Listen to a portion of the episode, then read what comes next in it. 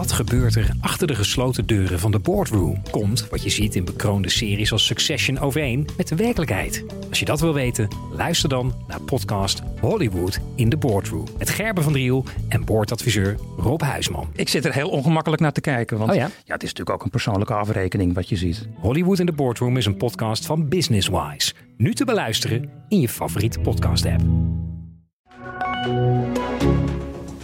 Dit is de AD Nieuws Update met Manuel Venderbos. De GGD start een nieuwe campagne om ook de laatste ongevaccineerde Nederlanders te overtuigen een prik te halen. 14% van de bevolking is momenteel nog niet gevaccineerd. Onze verslaggever Marcia Nieuwenhuis is in de cijfers gedoken. Marcia, sinds september stokt de vaccinatiegraad. Hoe is dat te verklaren? Voor een deel komt dat doordat laaghangend fruit weg is. Hè. Er zijn natuurlijk heel veel mensen. Op een gegeven moment waren er zelfs meer dan een miljoen mensen per week ingeënt. Dus het gros is dan al gevaccineerd. Maar toch zie je dat er in Nederland nog wel een aardig deel overblijft dat niet gevaccineerd is. Terwijl in andere landen de vaccinatiegraad eh, verder op blijft lopen. Hè. Zoals in, bijvoorbeeld in Portugal, waar ze hebben gezegd van nou, de nachthoreca gaat pas open als 85% is gevaccineerd. Daar zie je dat de vaccinatiegraad toch nog hoger is dan in Nederland. Ja, en als je dan naar de cijfers kijkt, eh, dan zie je dat de vaccinatiegraad onder 12 tot 18-jarigen lager ligt dan ons landelijk gemiddelde. Hoe kan dat nou? Klopt, ja. Nou, wat eh, GGD analyseert is dat waar ouderen, zodra ze te horen krijgen dat ze mogen, eh, ze eigenlijk meteen een afspraak maken en meteen die prik gaan halen. Terwijl jongeren daar wat minder eh, ja, actief mee zijn. Die zeggen bijvoorbeeld van, ah, het kwam nog niet zo goed uit, of ik wist het nog niet helemaal zeker, of ze waren nog een beetje aan het twijfelen. Ehm, dus die reageren eigenlijk trager dan eh, de oudere groep. En ze waren natuurlijk sowieso als laatste aan de beurt. We zien wel dat die groep wel iets aantrekt. Waar eh, gemiddeld genomen ongeveer eh, een half procent per week nog wordt ingeënt. Is dat bij die jongere groep iets boven de 1. Dus nou ja, dat, dat trekt wel iets bij, maar het blijft ook nog achter. Ik laat die zin nog even op me inwerken. Jongeren zijn trager dan ouderen. Eh, de GGD start nu een campagne om die 14% zonder vaccin te overtuigen toch een prik te halen. Hoe willen ze dat doen? Ja, er wordt echt van alles uit de kast getrokken. Vandaag eh, wordt er een actiefilmpje eh, geopenbaard waarbij een GGD-arts nou ja, op een, een, korte, snelle manier de jongeren gaat informeren. Die wordt vertoond voor eh, nieuwe films eh, zoals eh, James Bond, noem maar een dwarsstraat. Daarmee moeten de jongeren ook bereikt worden. Maar er worden ook ja, andere manieren van stal gehaald. Eh, bijvoorbeeld er zijn speciale uren waarbij mensen met prikangst kunnen komen. Oké, dus daarmee wil de GGD zorgen dat die laatste 14% eh, eh, toch over de streep komt. Ja, en daarbij zie je ook dat eh, ook binnen bijvoorbeeld zo'n prikangstuur ook nog weer eh, van alles van stal halen. Onder andere een hond, waar eh, mensen dan even kunnen aaien, waardoor ze extra rustig worden.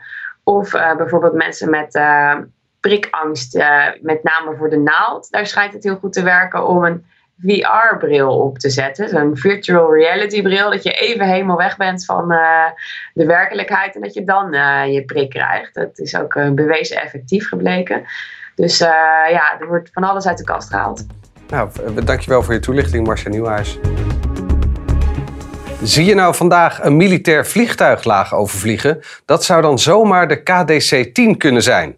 Dat is het tankertoestel van de Koninklijke Luchtmacht en dat maakt vandaag zijn afscheidsronde boven Nederland. Major Gilbert Stout is van eh, vliegbasis Eindhoven. Waarom moeten we afscheid nemen van deze toestellen? Nou, de KD-16 is inmiddels een eh, vrij oud toestel, dus technisch is hij echt wel op eh, aan, het einde van zijn eh, levensduur. Eh, dus daarom wordt hij inderdaad ook vervangen. Onderhoud wordt steeds duurder, de onderdelen worden schaarser. Vandaar. Ja, die, die KDC-10 die wordt dus gebruikt om militaire vliegtuigen bij te tanken in de lucht. Voor welke missies is dit toestel dan ingezet? Voor diverse missies. Je kunt voorstellen als eh, een gevechtsvliegtuig patrouille moet vliegen boven een, eh, een inzetgebied, een uitzendgebied. Dan is het eh, erg onhandig als het toestel constant terug moet voor nieuwe brandstof. Eh, als er een tankvliegtuig in de buurt is, eh, kan die in het operatiegebied blijven en daardoor veel beter inzet. Vandaag dus de afscheidstour van het toestel. Eh, waar kunnen de liefhebbers het vliegtuig spotten? De KDC-10 zal vandaag om 12 uur vertrekken en gaat langs de militaire vliegvelden vooral. Dus we beginnen bij vliegbasis Volkel, vliegen door naar het noorden, maar we vliegen ook uh, boven Schiphol, Rotterdam. Dus uh, vooral de militaire velden, daar zal het toestel goed te zien. En uh, wat gaat er nu met de KDC-10's gebeuren? Gaan die op de schroothoop? Nee, gelukkig niet. Gelukkig, want vliegtuigen is wat, het gaat ons, aan ons hart. Het krijgt een derde leven. Het is inmiddels ook al verkocht aan een Amerikaanse onderneming. Dus eind deze maand wordt het overgevlogen naar Amerika, waar het eerste toestel al is. En welk toestel gaat militaire vliegtuigen vanaf nu bijtanken in de lucht? Ja, er was in de behoefte voor luchttransport en het tanken in de lucht, dat blijft wel bestaan. er zijn meer landen die dezelfde behoefte hebben. We zijn op initiatief van Nederland met die landen ook bij elkaar gekomen. En we gaan nu in een internationaal verband vliegtuigen uh, kopen. En we hebben ze ook al gekocht. En in dat internationale verband worden de toestellen ook ingezet. Dus vraag en aanbod komen dadelijk bij elkaar en zo wordt er efficiënt met toestellen gevlogen. Staat u uh, vandaag uh, ook om 12 uur naar de lucht te staren? Nee, want ik zit in het toestel, dus ik kijk naar beneden toe. Oh, nou, veel plezier dan. Major Gilbert Stout, dankjewel voor de toelichting.